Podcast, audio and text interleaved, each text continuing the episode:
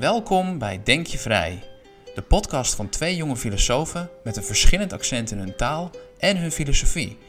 De een is Nederlander en uit de continentale traditie, de ander Belg en van analytische overtuiging. In hun botsing komt allicht niet de absolute waarheid aan het licht, maar in het denken zijn ze vrij.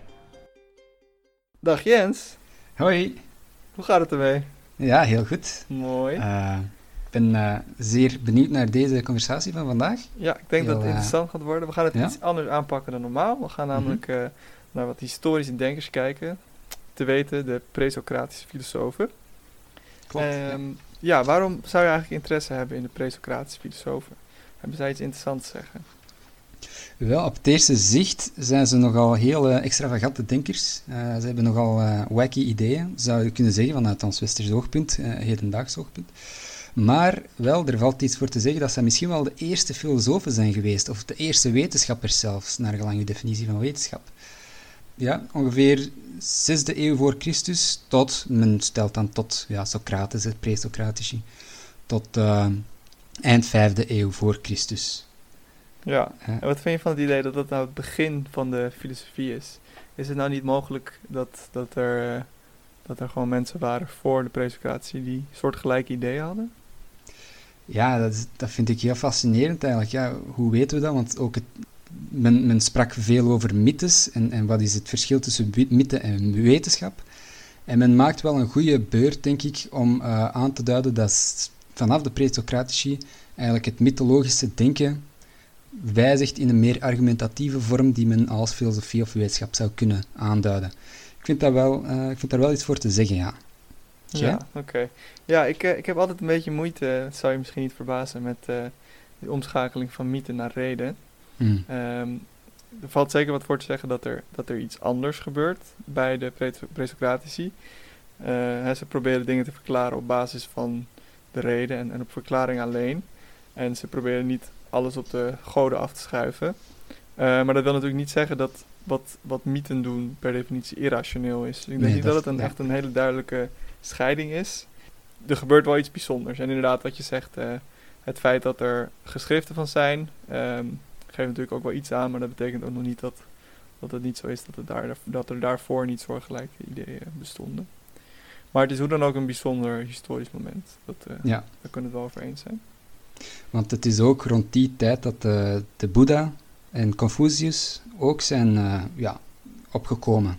Ja, Toch? De Axial Age, denk ik dat eh, Karel Jaspers dat ja noemt. precies. Ja. ja, dus net in, in, in, wat is het, 2, 3, 400 jaar tijd komen zo'n beetje de grootste denkers van, eh, van de geschiedenis allemaal eh Ja, van de geschiedenis gewoon, ja. Ja. Hoe komt dat? Enig idee? Ja, dat is allemaal sinds spelen. Ik, ja, je zou kunnen zeggen, ehm, landbouw en dergelijke ontwikkelingen vonden ook allemaal op soortgelijke, gelijktijdige momenten plaats. Dat het gewoon iets is van, van de, de ontwikkeling van de mensheid, dat er toen genoeg ja, stof was om, om, om echt abstract te kunnen gaan nadenken. Dat er genoeg eh, vrije tijd was voor mensen om, om met, met dit soort dingen zich bezig te houden. Zoiets, ik weet het niet. Ja, ik vind, dat, ik vind het heel fascinerend, want ja, landbouw, dat is natuurlijk ook wel al vrij oud, 10.000 voor Christus. Dus dat vind ik moeilijk, maar ook, je hebt ook de bronzen tijdperk, hè, dus dat was eigenlijk 1100 eh, voor Christus ging dan neer, hè, was het gedaan. En daar hadden al heel grote, genetwerkte samenlevingen, ook Griekenland en Egypte en zo. En daar ja, zag je eigenlijk, zien we eigenlijk geen filosofie ontstaan, maar toch nog meer dan mythologisch, mythologische denken. Dus ik, ik vind het echt bizar. Want ze zeggen soms wel, eh, en ze biedt gaan we daarmee beginnen met de Milesiërs van Milete. Milete was zelf een stad die op Oost en West lag, in Klein-Azië, hedendaags Turkije. Dus waar Oost en West samenkwam, een handelsstad, dus waar ideeën botsen. En dat is een soort van ja, zelfbevraging dat dat zich ja, in, in gang stelt. Want ja, uw mythes, en dan komen er ineens totaal tegenovergestelde mythes eh, mee in contact via reizigers enzovoort. En dat gaat dan ja, de, de bevraging eh doen beginnen. En daarmee dus van een mythologisch naar een meer argumentatief denken overgaan. Omdat men dan, ja, men moet eigenlijk gaan argumenteren voor eh, wat, wat men gelooft. Maar dan toch dat bronzen tijdperk eh, niet onderschatten hoe eh, ja, commercieel en handelstijdperk dat dat al was. En toen gebeurde dat niet. Dus ik vind die... Ik, ik, ja, ik, ik weet het echt niet zo goed. Nee, dat blijkt moeilijk om, blijft moeilijk om daar echt iets uh, zinnigs over te zeggen. Uh, er lijkt inderdaad wel bewijs te zijn dat er sommige Griekse denkers echt verder naar het oosten gingen. Dus dan hebben we het echt over India. Dus dat er inderdaad iets van hmm. uitwisseling was tussen ja, boeddhistische en, en, en, uh, en, en Chinese denkers. Dat is niet uitgesloten. Ja, dat is, dat is heel boeiend. Ik denk ook ja, de Pythagoreërs waarschijnlijk, met reïncarnatie komen we nog toe. En Plato zelf ook dan, ook via de Pythagoreërs. Ja. Dat is uh, ook heel fascinerend. En dan, uh, wat betreft dat mythologische en de, en de wetenschappelijke denken, ik ben het met u eens dat inderdaad ook het mythologische denken rationeel kan zijn. En, en omdat, ja, men, men zat in een soort van denken via... En je hebt dan ook de dichters, Homeros en Hesiodus, dat is 8e eeuw ongeveer voor Christus. En, en dat waren een soort van doorgeefluiken van de goden. En, en men, men, las die in teksten en kreeg een gevoel daarbij en, enzovoort.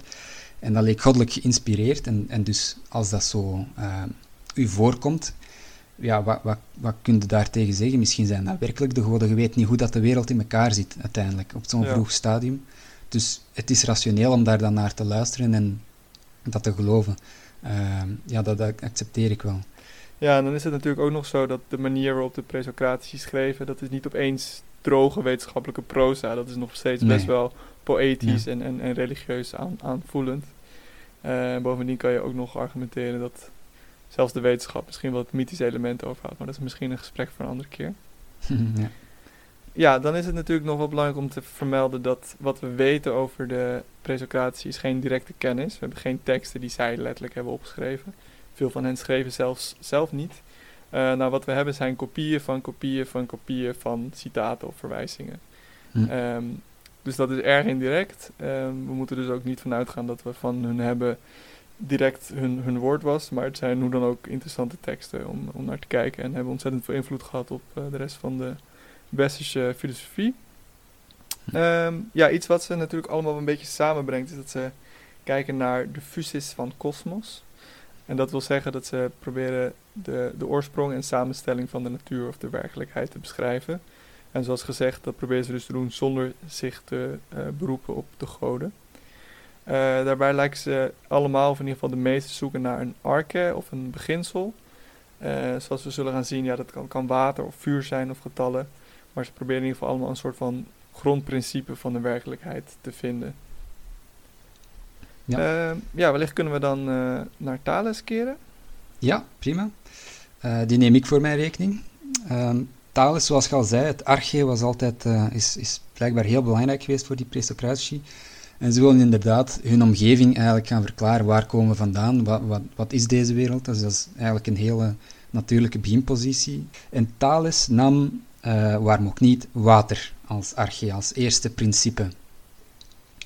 Maar misschien eerst nog over Thales de man zelf. Heel interessante man ook. Een soort van uh, ja, verwarde professor-achtige filosoof, toen al zelfs. En het was ook een uh, ja, wiskundige astronoom, natuurfilosoof. En dat is eigenlijk een, een terugkerend, uh, terugkerende eigenschappen van die presocratici. Ze konden wel een beetje van alles. Maar in die, in die tijd was er natuurlijk nog niet heel veel om te weten. Dus dat speelt in hun voordeel. Um, en ook grappig, hij is heel rijk geworden dankzij de filosofie. Oh ja, hoe dan? Of, of de filosofie, althans de astronomie of natuurfilosofie.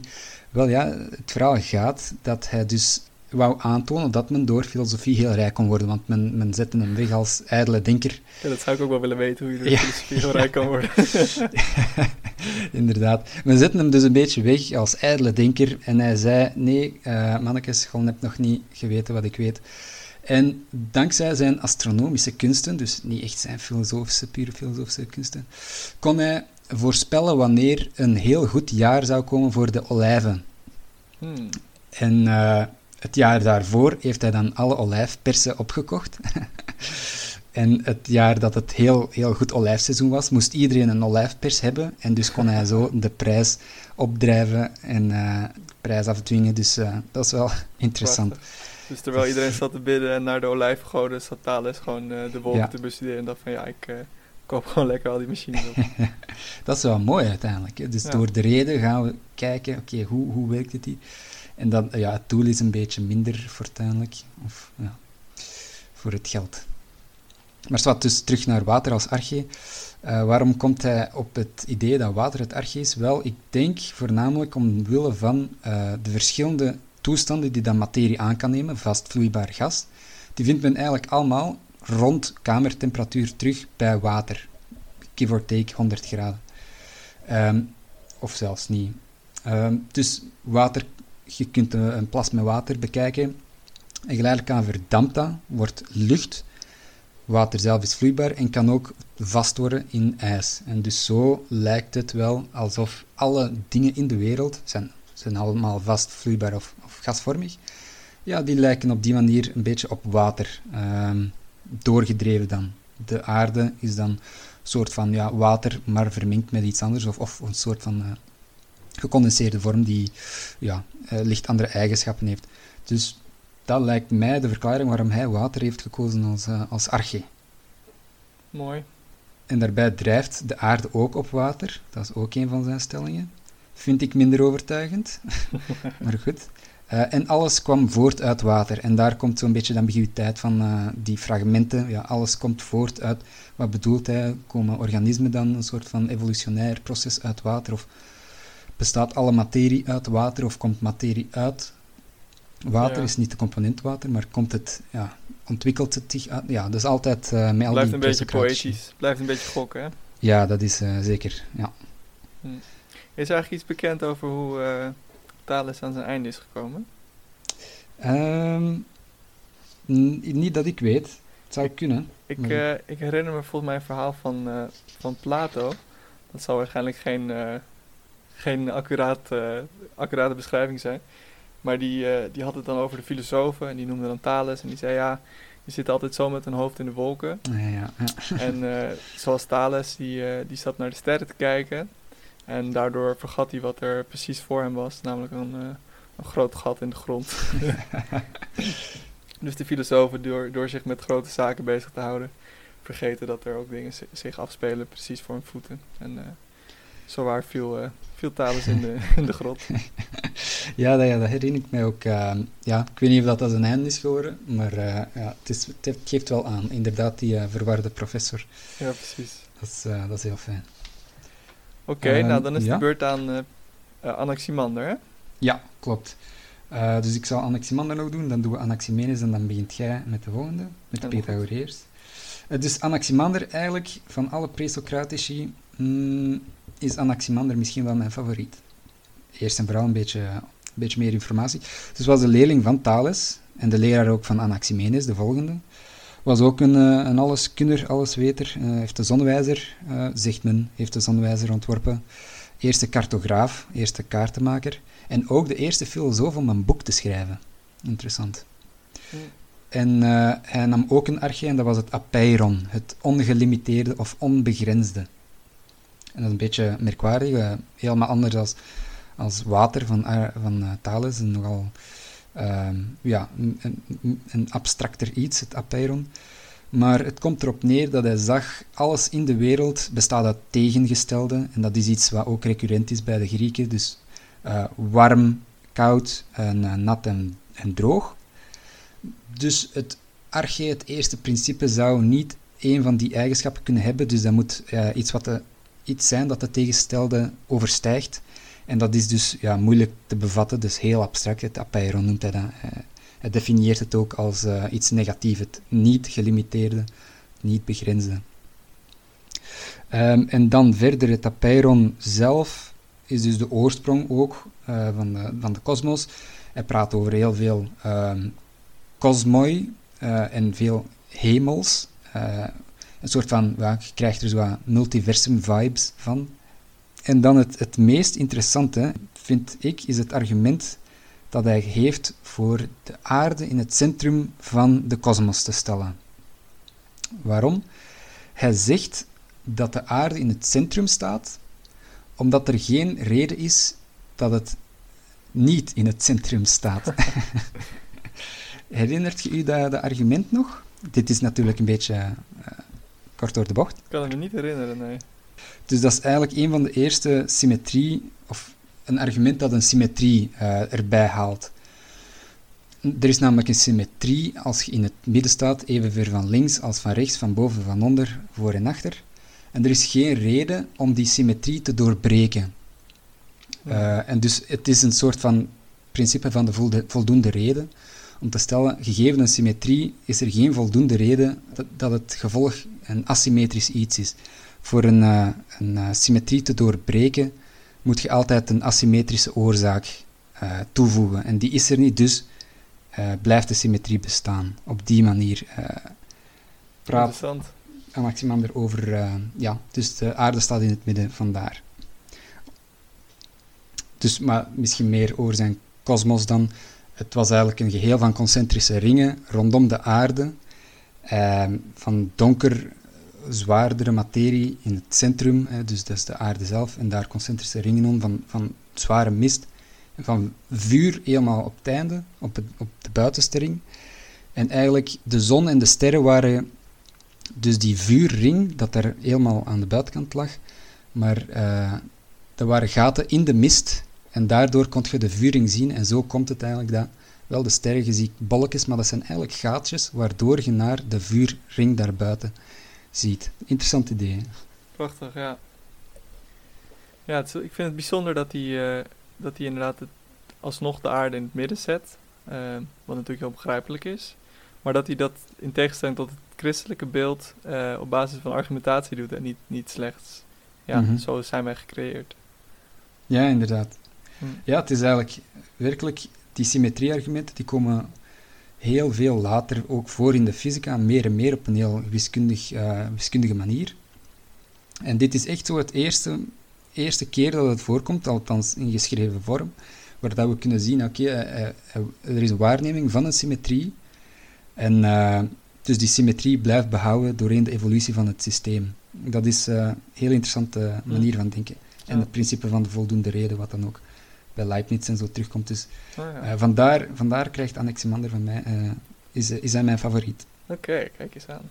Want, oh wacht, het is eigenlijk nog niet gedaan.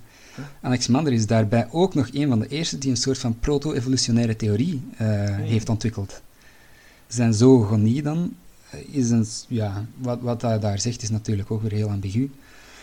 En hij praat over het, het verdampen van de zeeën en ook een uitdrogingsproces waarbij er een soort van, ja, uit zijn beschrijving lijkt het wel zeekomkommers te zijn, waarbinnen levende wezens groeien en door de, de uitdroging komen die levende wezens daaruit. En, uh, en ook mensen zijn zo ontstaan, waarschijnlijk als een soort van embryo in, in vissen. En die embryo zou dan moeten uitgroeien tot een soort van, ja, tot een puber. Totdat die daar dan uitkomt, want ja, als kind kunnen niet overleven, dus ja, hoe, hoe, hoe is de eerste mens ontstaan?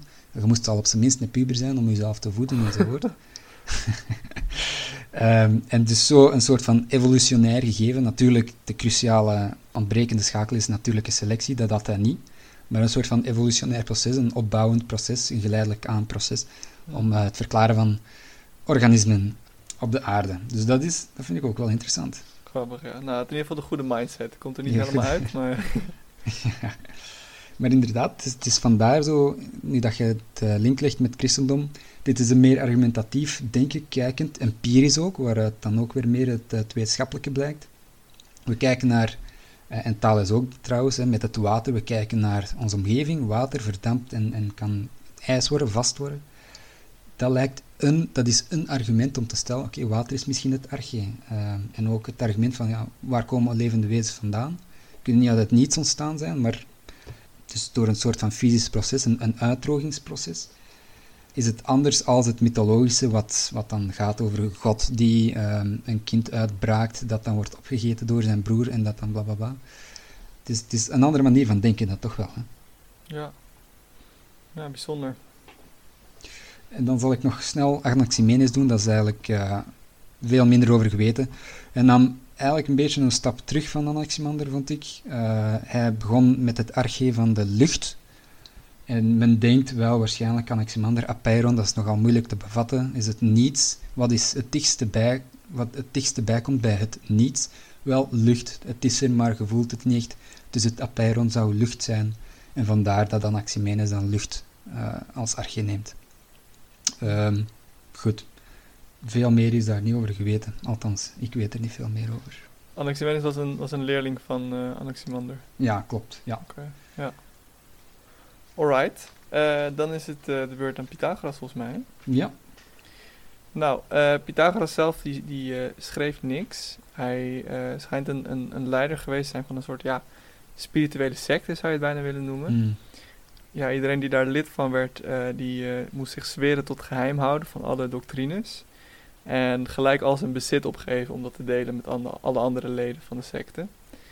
Uiteindelijk is Pythagoras gevlucht uit Griekenland omdat ja, hij werd nogal vervolgd door zijn rare secte. Iedereen vond het maar een beetje eng. En is uiteindelijk omgekomen op zijn uh, vluchtplek. Uh, ja, hij wordt vaak beschreven als een soort halfgod. Niet alleen had hij een, enorme intelligentie, zo schijnt, maar hij kon ook op verschillende plekken tegelijk zijn en hij kon de onderwereld bezoeken, et. Nou, dat is dus nogal een mythisch verhaal om, uh, om Pythagoras heen gevormd. Een van zijn meest uh, opvallende ideeën is de transmigratie van de ziel. Het komt neer op het idee dat uh, als het lichaam sterft, dan sterft de ziel nog niet. je zou het inderdaad kunnen zien als een vorm van reïncarnatie. Vandaar dat er misschien ook gezinspeeld wordt op het idee dat er uitwisseling was met, met Oosterse ideeën. Ja, je kan dus ook reïncarneren als dier komt er eigenlijk op neer dat je zo puur mogelijk moet leven om, om uh, zo goed mogelijk te reïncarneren. Uh, en uiteindelijk hopelijk de, de bevrijding van de ziel uh, te bereiken. Ja, een van de dingen die die gemeenschap of secte voorop stelde was een ascetische manier van leven. Dus, dus zo simpel mogelijk. volgens mij aten ze ook vegetarisch. Ja. Um, en verder hadden ze nog allemaal andere rare, of ja, opvallende voorschriften zoals je mag geen bonen eten, je mag niet het hart van een dier eten, uh, je mag niet in het donker spreken. De drukke wegen in steden en, en, dorpen moet je vermijden, dus neem altijd de zijweggetjes. uh, en zo zijn er nog een paar uh, vage bonen voorschriften. eten, denk ik. Ja, bonen inderdaad mag je niet eten. Ehm, ja, het archief voor Pythagoras en zijn volgelingen was het getal, wat op zich weer opmerkelijk is. Ze zagen de, de kosmos als uh, een vorm van harmonie. Er wordt ook gezegd dat het idee van um, ja, periodes, hoe zeg je dat in, in, in muziek? Um, uh, harmonische ratio's of zo. Ja, harmonische ratio's inderdaad. Dat dat uh, een idee van Pythagoras geweest is. Mm. Ja, interessant genoeg vond Kepler Pythagoras een erg interessante denker. En probeerde hij ook een bepaalde harmonie in, in, in, in de kosmos te zien. Uh, maar goed, Pythagoras stelt dus inderdaad dat alles wat uh, bestaat fundamenteel is opgemaakt uit getallen. Dus het is niet een, een materiële grondslag, maar het is echt een, een, een, ja, een wiskundige grondslag. Dus, dus alles bestaat uit getallen of wiskundige principes. Um, daarin zou je misschien al een soort van het idee van, van wetten kunnen zien. En een van de grootste invloeden die Pythagoras heeft gehad is op Plato. Uh, Plato was aan de ene kant vrij kritisch op Pythagoras, maar aan de andere kant vond hij het wel een intrigerend idee in de zin dat voor Plato uiteindelijk natuurlijk zijn arche, als je het zo wil zien, uh, de ideeën of de vormen uh, werden. En dat uh, is zeker, is zeker een parallel te leggen met, met Pythagoras getallen. goed, dan keer ik naar Heraclitus.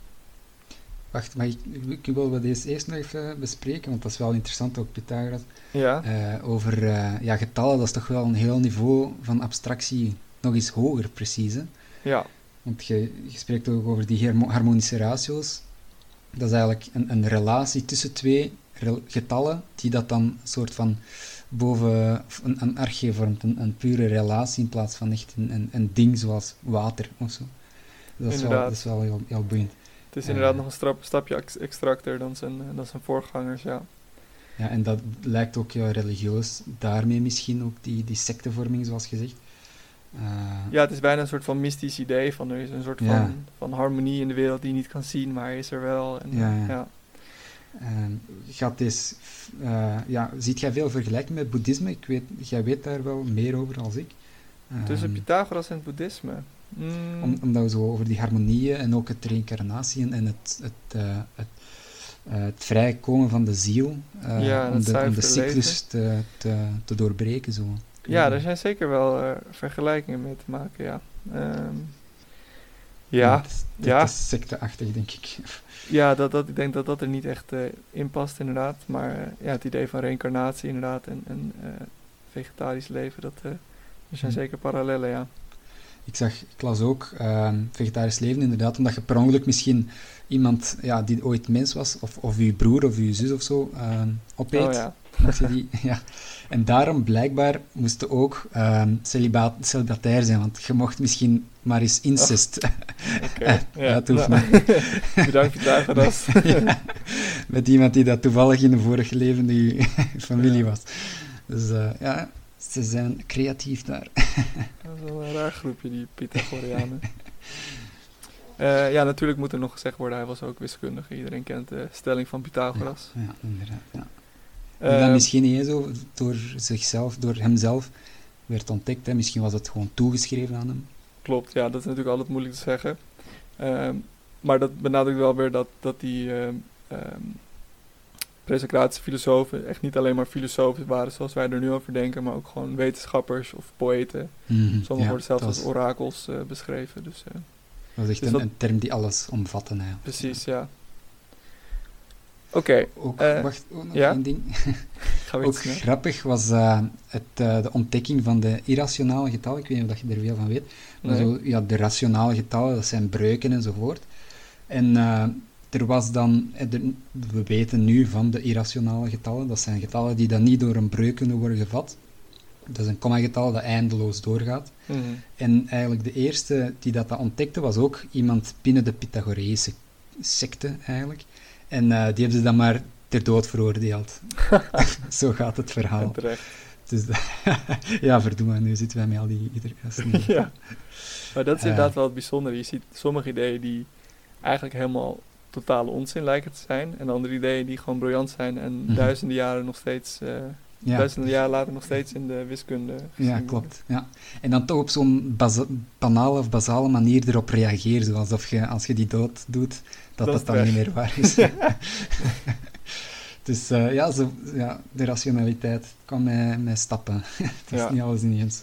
Maar ze probeerden hem wel eh, met enige kracht weg te drukken. ja. Grappig. Oké, ja. Ja, kan ik Heraclitus. Prima. Ja, sorry. nee, helemaal goed. Eh Heraclitus, ja, dat was echt een, eh, een rare pief. Die wordt eh, beschreven als een erg arrogant en moeilijk mannetje.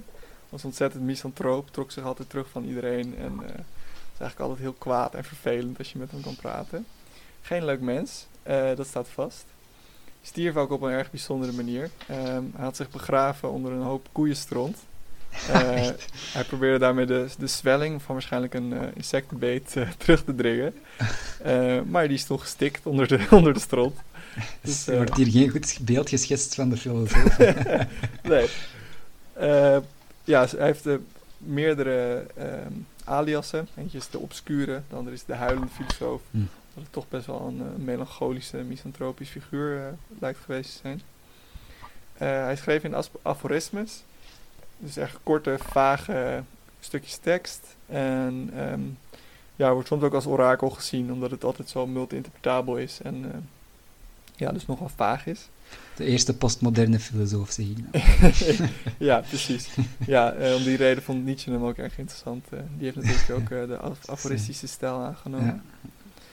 Ja. Ehm, voor hem was het arge vuur. En daarmee is hij ook een invloed geweest op ehm, de Stoïcijnen.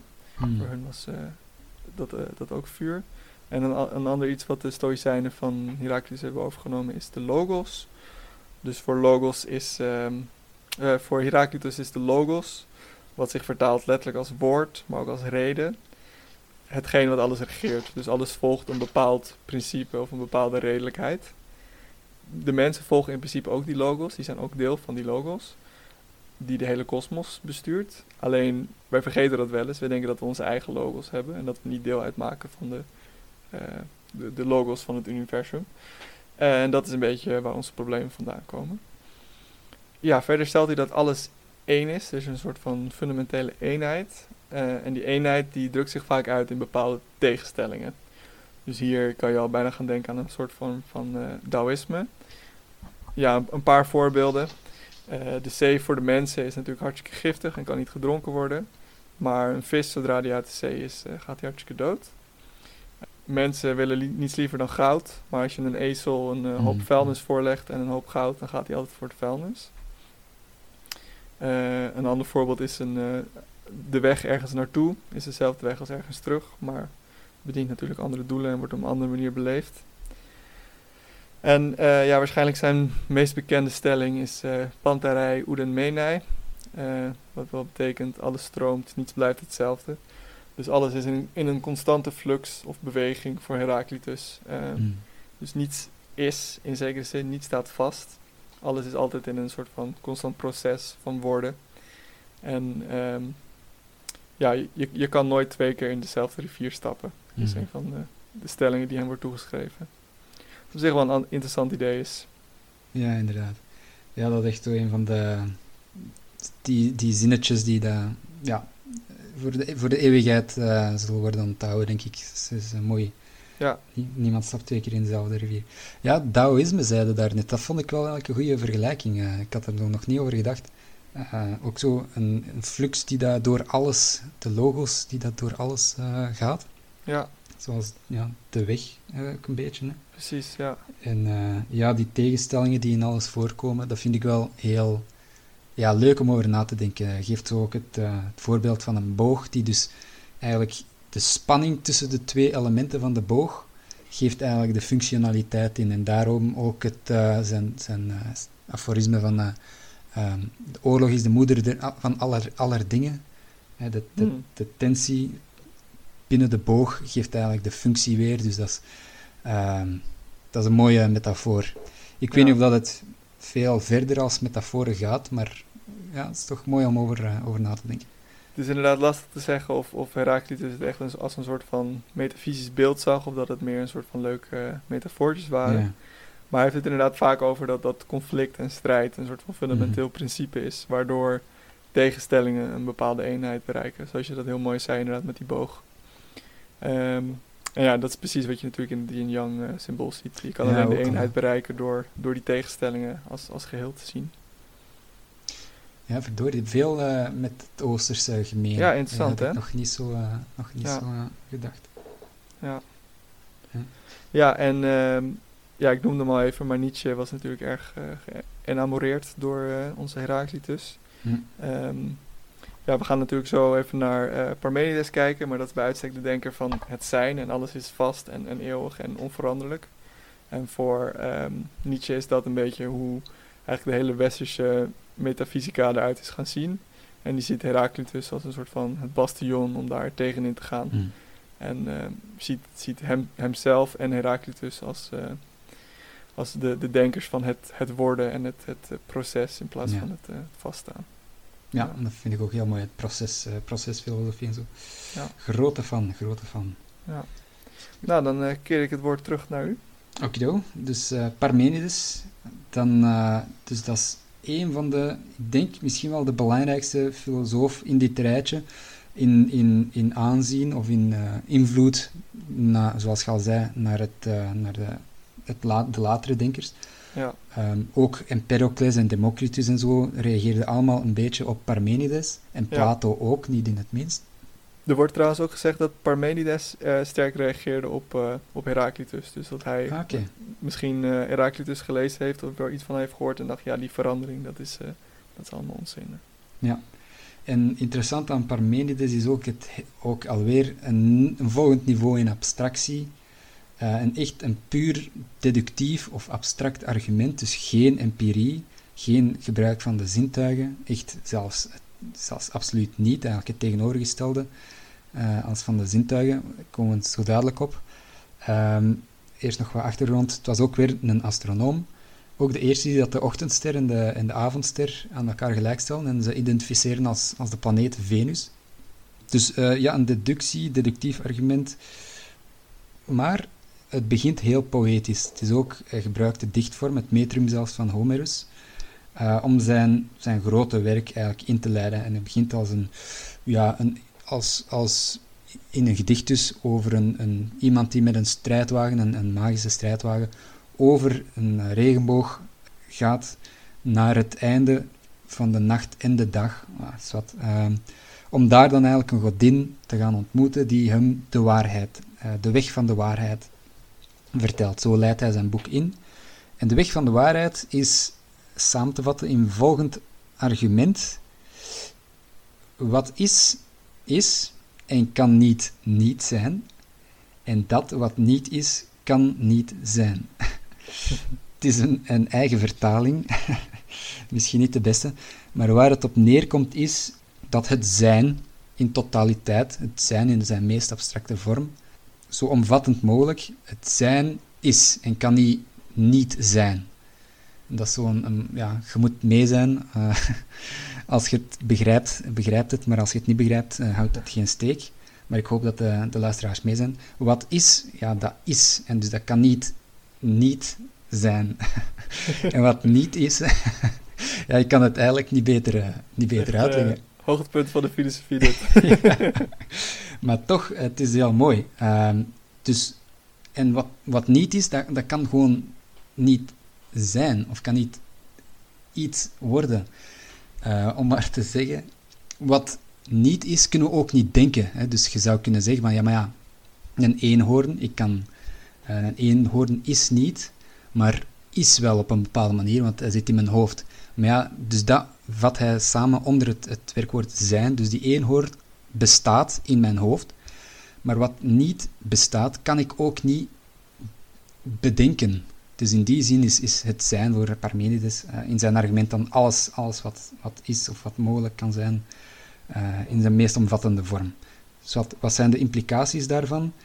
Wel, er is geen worden zoals Heraclitus voorstaat, zelfs geen verandering. Want verandering of worden impliceert een, uh, een proces van niet zijn naar zijn. Verandering ook. iets wat is, verandert en dus wordt voor een deel niet en een ander deel komt erbij, om het zo te zeggen. En dat kan natuurlijk niet. Ja, omdat hij het heeft, heeft het vastgesteld, ja, wat is, is en kan niet niet zijn. Hm. En wat niet is, is, kan niet zijn. Hè. Uh, ook geen beweging, dat is een van zijn beroemde uh, implicaties, die ook later door Zeno zal worden, uh, in paradoxen worden gegoten. Dus want beweging gaat je van punt A naar punt B, maar op punt A bestaat iets en om naar punt B te gaan, moet op punt A wat was niet zijn. En het punt B wat niet was, moet dan iets zijn. Dus zo speelt hij met die woorden uh, zijn en, en niet zijn, om dan eigenlijk beweging, verandering, worden, alle heterogeniteit in de wereld te, ja, verbannen. Dat bestaat niet. En hij gebruikt daarbij de metafoor van een perfecte bol, een perfecte sfeer. Zo moeten we ons de realiteit inbeelden. Ehm, en er is dus geen verandering in die werkelijkheid. En dan voor de, degenen die iets, iets kennen van misschien van Einstein, je hebt ook het in de ruimte-tijd. Tijd is een, een extra dimensie, een as, die bovenop de, de ruimteassen komt. En je zou dan een soort van block universe, noemen ze dat vaak, kunnen indeel, in, indenken. En, dus het, en wij zijn een soort van worm die doorheen de tijd en de, en de ruimteassen uh, worden ja, erdoor gaan eigenlijk. Uh, en, en in dat opzicht is er ook geen worden of vergaan. Er is maar één ding, de Black Universe, en daarbinnen speelt ons leven af, maar dat is eigenlijk één geheel, maar in een dimensie hoger.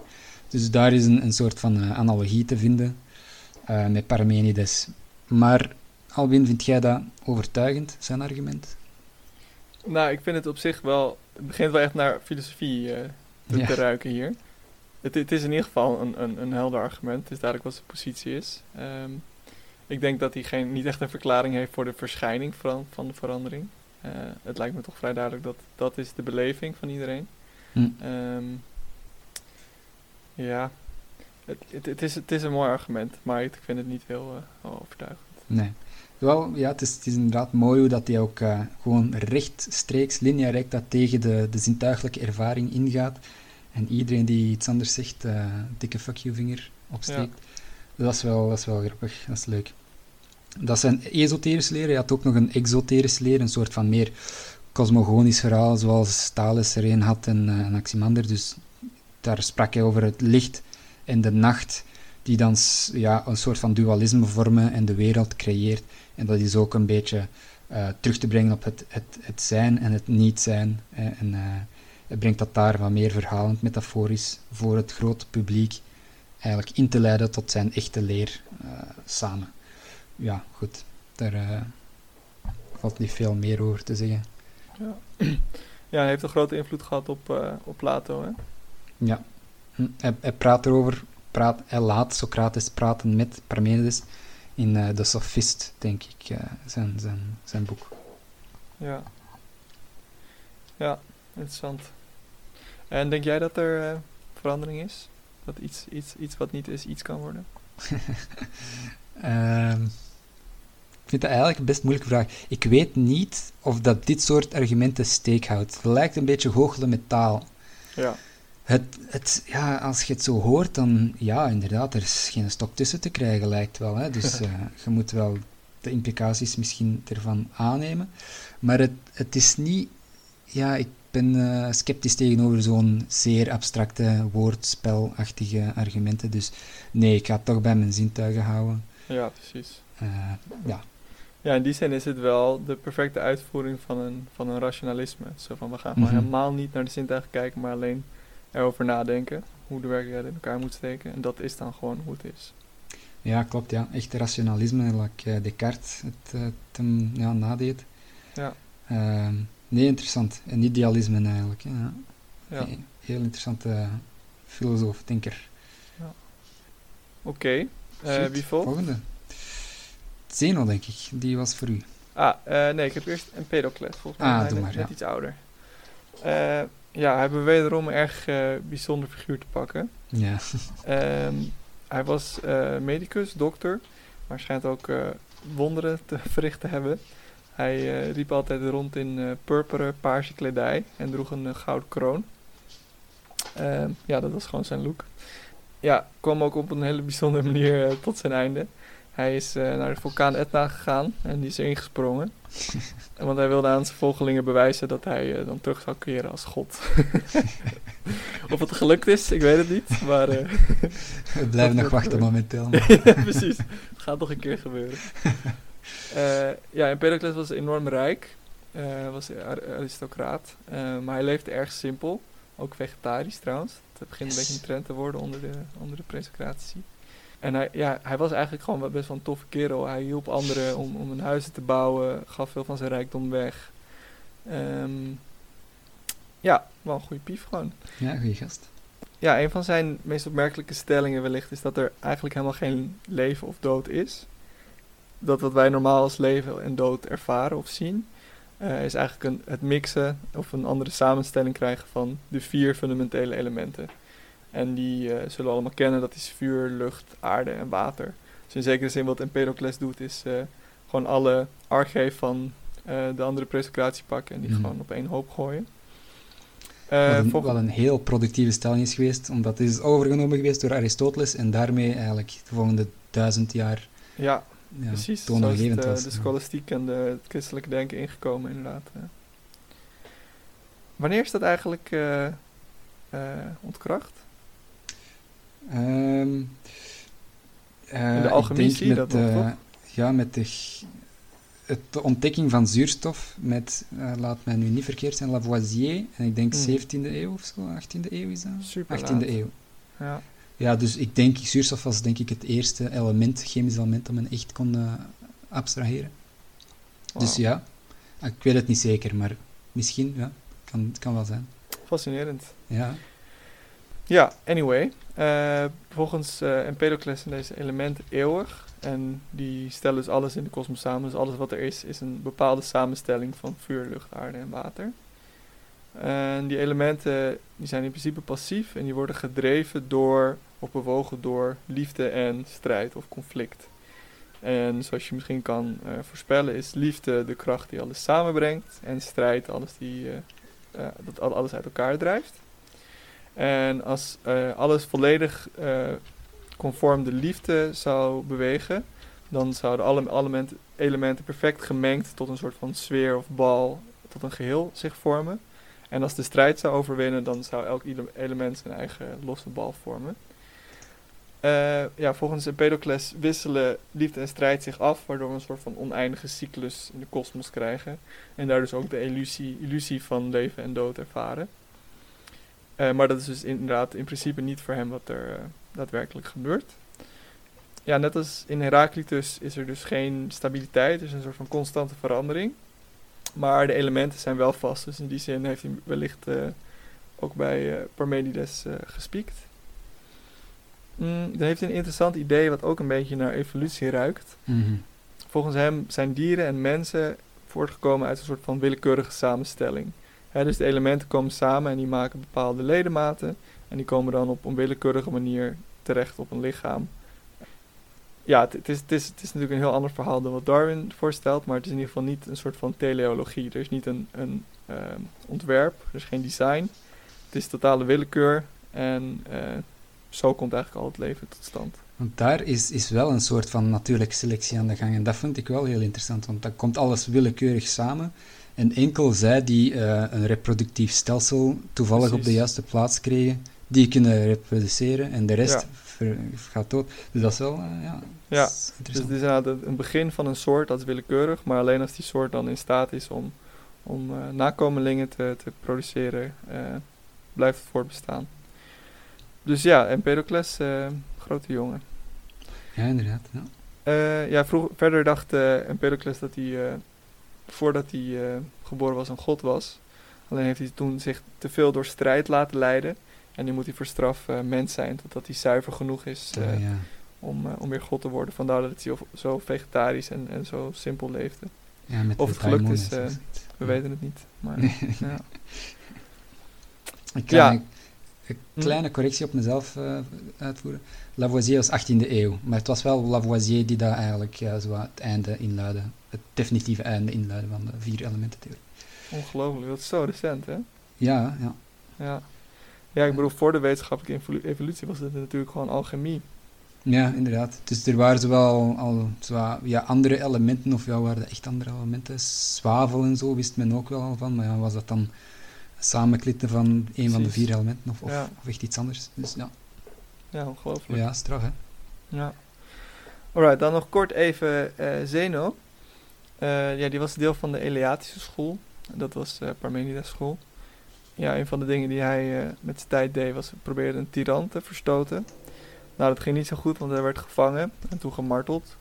hij wilde echter geen informatie afgeven van, van de mensen met wie hij samen, samen speelde. Dus toen is hij uh, gedood. Ja, erg triest allemaal. Dat is triest. Ja, waar, waar Zeno natuurlijk bekend om staat, is zijn paradoxen. Je noemde het net al even. Uh, de bekendste is waarschijnlijk Achilles en de schildpad. Mm. Nou, dat is dus uh, Achilles en, en, de schildpad gaan racen. Achilles die is een beetje overmoedig, dus die zegt: Nou, de schildpad begin jij maar alvast, dan kom ik straks achter je aan. Nou, kan je je voorstellen, de schildpad heeft een voorsprong van 100 meter. Achilles begint te rennen en die komt op een gegeven moment op het punt waar de schildpad was toen hij begon, dus 100 meter verder. Nou, op het moment dat Achilles daar aankomt, is de schildpad natuurlijk alweer een stukje verder. Nou, dus begint Achilles met rennen naar de, plek waar de schildpad op dat moment is. Maar op het moment dat hij daar aankomt, is de schildpad natuurlijk weer een stukje verder. Zodoende is het eigenlijk onmogelijk voor Achilles om de schildpad in te halen. uh, ja, dat is natuurlijk niet hoe het werkt, maar het is wel een, uh, een paradoxaal idee wat uh, erg leuk is om uh, over na te denken. En waarmee hij ook wil bewijzen dat ja, beweging is, een, is onmogelijk, is een paradox, dus er is eigenlijk geen beweging. En daarmee heeft Parmenides gelijk. Ja, ja precies. Ja. Dus het is inderdaad een goede leerling van, uh, van Parmenides, omdat hij uh, zijn denken wat concreter maakt. Uh, ja, dan heeft hij ook nog de paradox van de pijl. Ik weet niet of jij die mm helder voor de geest hebt. Ja, het is om de pijl, je schiet een pijl op een doel. En voordat de pijl op het doel kan komen, moet hij eerst in de, elf, in de helft geraken. Maar voordat hij in de helft geraakt, moet hij eigenlijk op 1 vierde geraken. De helft van de helft moet eigenlijk op de helft van de helft van de helft. En dus de pijl geraakt nooit nergens, want hij moet altijd in, eerst in de helft geraken. Ik denk dat hij zo ging. Ja, inderdaad. Dat is, uh, dat is Zeno. Zijn er nog andere prescratiedenkers die we, die we moeten bedenken? Ik heb nog Democritus uh, achter de hand. De atomist, toch? Ja, klopt. Uh, Leucippus was de eerste atomist, maar Democritus, ja, Leucippus heeft nooit iets opgeschreven of, of is althans niks van teruggevonden. Democritus was zijn leerling. En Democritus, in tegenstelling tot Heraclitus, was de lachende filosoof. En uh, ook alweer een alleskunner. Hij hield zich ook bezig met van alles, ook echt ethiek. Hij heeft wel wat interessante dingen over ethiek geschreven ook. Maar hij had ook interesse in uh, militaire strategie en, landbouw, blijkbaar. Dus uh, heel veel boeken geschreven ook, ehm, zegt men. En hij was dus voorstander van het atomisme. En dat is ook weer terug op, op Parmenides, een, een antwoord op Parmenides. Die stelt dat er geen worden of vergaan is. Dus wat zegt Democritus? er zijn atomen en er is leegte. En hij stelt dus, hij, gaat dan een andere interpretatie geven aan, aan Parmenides' argument, het zijn en het niet zijn. Democritus zegt, het niet zijn is de leegte, void. En het zijn zijn de atomen, en de atomen zitten in de, in de leegte en kunnen elkaar dan wel uh, samenklitten en zo complexe uh, ja, samenstellingen vormen. En dus zo wil hij zeggen, wel ja, kijk, er kan zo op die manier wel beweging en verandering zijn, als we het op die manier, het argument, uh, interpreteren. Um, ja, briljant. Ja, het is om zo Parmenides toch een hak te zetten. Het is leegte in atomen, en die atomen die hadden een aantal uh, kenmerken, konden zelf dan ook niet ontstaan of vergaan en waren ondeelbaar, atomos, hè, niet deelbaar.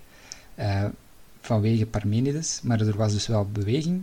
En die atomen hadden oneindig veel vormen en oneindig veel uh, grootte en uh, waren eeuwig en waren continu in beweging. En ook hier was een, een, een argument van de voldoende reden. Um, er, er was geen voldoende reden dat een atoom een vorm S zou kunnen hebben, uh, dan wel een vorm S-accent of, of een vorm Q. Er is geen voldoende reden om die te onderscheiden, dus moeten er oneindig veel vormen zijn. Alle vormen moeten aanwezig zijn. Gewoon om, om ja, te vermijden dat er een, uh, een argument moet worden gegeven waarom een atoom één specifieke vorm heeft. Dus dat is weer zo'n uh, toch wel een geavanceerde manier van argumenteren, zelfs in die tijd. Ja. En dan ja, de samenstelling van, van, van ja, ehm, organismen en ja, voorwerpen was dan willekeurig het inhaken van verschillende atomen, want die hadden wel wat uitsteekseltjes en zo, en die konden aan elkaar uh, klitten. En wat dan ook een heel mechanistisch wereldbeeld gaf. En hij, en hij zei ook, de hele kosmos is zo opgebouwd. Uh, dus de aarde en alle dingen die men kan vinden in de kosmos, puur mechanistisch, atomen die tegen elkaar botsen en uh, vast komen te zitten. Heel interessant, heel modern, als we denken aan moderne filosofen, Descartes enzovoort, die, die dachten ook grotendeels zo. En hij was ook een eliminativist, dus kleur, bewustzijn en dergelijke. Nee, allemaal niks van, uh, geen sprake van. Enkel atomen en de leegte. Dus heel reductionistisch ook. Uh, en zo ook heel ehm, ja, wetenschappelijk proberen te reduceren, ook al is dat niet, niet uitsluitend wetenschappelijk. Dus ja, dat is Democritus. Dat vind ik ook wel heel mooi. Toch een uh, zeer moeiend, moedige, uh, moedige ja, voorstelling van de wereld. Uh, zeker in die tijd. Waar dat de goden nog achter elke hoek zaten, bij, bij wijze van spreken. Ja, echt fascinerend dat je zo'n zo'n denkbeeld kan, kan opstellen, inderdaad, met zo'n culturele werkelijkheid. Echt, echt fantastisch. Ja, ja. ja. En dus inderdaad, hij heeft grotendeels zijn gelijk gekregen. Ja, inderdaad. Ja, wat zijn nu eigenlijk de atomen van vandaag? Ja, dat zijn, ja, niet... het zijn inderdaad niet, degene, niet de delen die wij nu atoompjes noemen. Ja, maar inderdaad. Er lijken wel ondeelbare deeltjes te zijn, toch? Ja, ja klopt. Ja, inderdaad. Een soort van... Uh, is fundamenteel bestanddelen van de materie, die lijken er wel te zijn. Hè?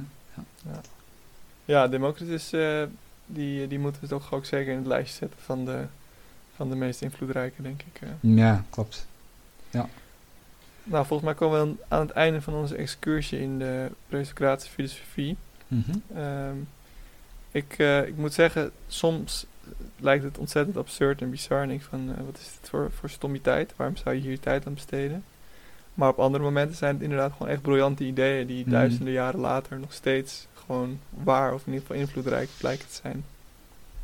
En dat, uh, dat ja, is echt fascinerend. Ja, inderdaad. Ja. En het is ook ja, vanuit geschiedenis of historisch perspectief gewoon heel boeiend. Ja, waar begint de mens te denken als, hij geen, ehm, ja, als er geen vaststaande kennis meer is? Als je alle mythes niet meer gelooft, waar begint je mee? Hè? Ja. Ja, Ehm, je probeert maar rond te kijken en zien, oké, waaruit kan alles bestaan? Water misschien? En zo, zo bouwt dat voort. Hè? Want de volgende zegt dan, ja, maar ja, het kan niet water zijn. En je bouwt een hele traditie op van kritiek en, eh, en reactie op eh, ideeën. Eh, ja, dus dat ja inderdaad ook de interactie tussen verschillende presocratici, eh dat, Mhm. dat, dat, waardoor het steeds genuanceerder en, en kritischer wordt. En natuurlijk schiet ze heel vaak mis, maar ze schiet ook soms raak. En dat heeft dan natuurlijk ontzettend invloedrijke gevolgen. Ja, klopt. Eh, en dat is, ja, het interessante van de Socratici vind ik ook dat ze net zo heel gedurfde ideeën hebben en heel de kosmos alles willen verklaren. Dat is toch, ja, dat is toch, dat is toch leuk, ja, dat is fascinerend om te lezen. Ja, echt En- het, het, lef van het vrije denken. Ja, inderdaad, ja, het lef van het vrijdenk, daar zegt zoiets. Ehm, dat komt blijkbaar toen, dat, wat toch ook niet vanzelfsprekend is uiteindelijk. Hè? Ja, ja het schijnt wel dat, dat eh, volgens mij vrij veel van hen eh, niet altijd of, of, of zelden in eh, At- Athene waren. Waar eh, natuurlijk de regering eh, gezeteld was. Het is natuurlijk zo, als er dan iets gebeurt wat niet helemaal door, de, door de beugel kan, dan duurt het een jaar voordat, voordat de regering daarvan Ja, Dus, klopt. Ja, dat is waar. Dat is misschien wel het argument. Ja. Maar ja, desalniettemin, eh Socrates, Aristoteles, Plato, dat is natuurlijk wel tijdens de democratische periode van Athene, echt Ja. midden vijfde eeuw. Maar wat ik dan weer vind, ja, Socrates, men zegt vaak, hij brengt de filosofie van de hemel terug op, op aarde, hè, met door over ethiek te spreken en zo. Maar ja, ik weet niet, ik vind dat toch leuk dat ze zo wat meer eh, kosmologische ideeën poneren. Dus, dus vandaar eh, vind ik, ja, ja. Leuk, leuke, leuke tijd. Ja, en, en dat vrije denken, wat, wat, wat hier natuurlijk bij uitstek gebeurt, dat, eh, dat valt toch een beetje weg eh, in, de, in de christelijke periode. Dan ja, moeten we echt eh, absoluut. ja. 1500 jaar later eh, pas weer gaan kijken. ja, absoluut. Eh, dus ja, toch een vrij unieke periode ja, in de geschiedenis misschien wel. Denk je dat dit echt het begin was van de filosofie? En eh, ja, zonder de presocratie, laat ons die er gewoon bedenken dat die er nooit waren geweest. Zouden we dan echt veel later zijn begonnen met, met filosofie of zo? Ja, ik vind het moeilijk te zeggen. Ik, ik denk in zekere zin is, is mythisch denken en religieus denken heeft ook bepaalde filosofische elementen. Maar inderdaad, wat we, wat we, wat we zeggen, dat, dat element van echt dat vrije denken, dat is toch wel echt uniek. Ehm, en, en inderdaad dat het ook in een, in een, in een samenleving gebeurt waar, dat, waar, daar, waar daar ruimte voor is. Ja, het is heel moeilijk te zeggen hoe lang dat zou geduurd hebben of of het überhaupt gebeurd zou zijn. Ehm, voor ons is het allemaal heel voor de hand liggend en soms een beetje suf en, en ouderwets. Hmm. Maar het is toch echt een keer gebeurd en dat, eh, ja, we staan op de, op de schouders van reuzen. Dat moeten we maar eh, weer benadrukken. Ja, klopt. Want eh, als je zo Homerus leest, dan ja, die praat echt over goden en dat is, dat is de verklaring van, van alles wat er gebeurt in de wereld. Als het begint te donderen, dan zijn het de goden die kwaad zijn. Ja, als Maar het ware dan- dat de goden er echt, echt waren. Hè? Ja, hè? ja. Ja. En, En, dus- waarschijnlijk da- dachten veel presocratici ook nog wel zo. mhm. Maar die zeiden van ja, laten we toch proberen om te kijken of we het op een andere manier kunnen verklaren. Ja, En dat zie je dan ook in de, in de Hellenistische tradities, wat dus inderdaad na Socrates en Plato komt van, ja, of die goden er zijn of niet, dat, dat maakt eigenlijk niet zo heel veel uit. We Ja, kunnen alsnog gewoon de werkelijkheid zie, dat vind ik ook zo interessant inderdaad. Sommige, ik, ik weet niet meer wie, maar ik had gelezen dat een van de presocratici ook de goden zelf wou verklaren. Hmm, dus- ja, dat die ook bestaan uit materie, maar dat is een soort van ja, aparte, vorm van, eh, aparte vorm van leven of, of zo, on- oneindig leven. ja. Dus zelfs de goden waren, niet, eh, waren ook te verklaren, wat een heel onchristelijk idee is natuurlijk, want God is als transcendent voor de christenen ja. en dus is de oorsprong van alles. Maar zij, zij konden toch nog zeggen van ja, kijk, eh, die goden moeten ook verklaard worden. Dus dat dat is nog iets, eh, nog iets Ja, apart. het is, het is bijna alsof het te snel, eh, te goed ging met het denken en dat de wereld daar een beetje Ja. van geschrokken is. Van, oh, dat moeten we eventjes gaan inbanden. Ja. ja, dat is, eh, ja, is, is wel waar spijtig. Ja. Right, nou, ik vond het een erg boeiend gesprek. Ja, ik vond het ook.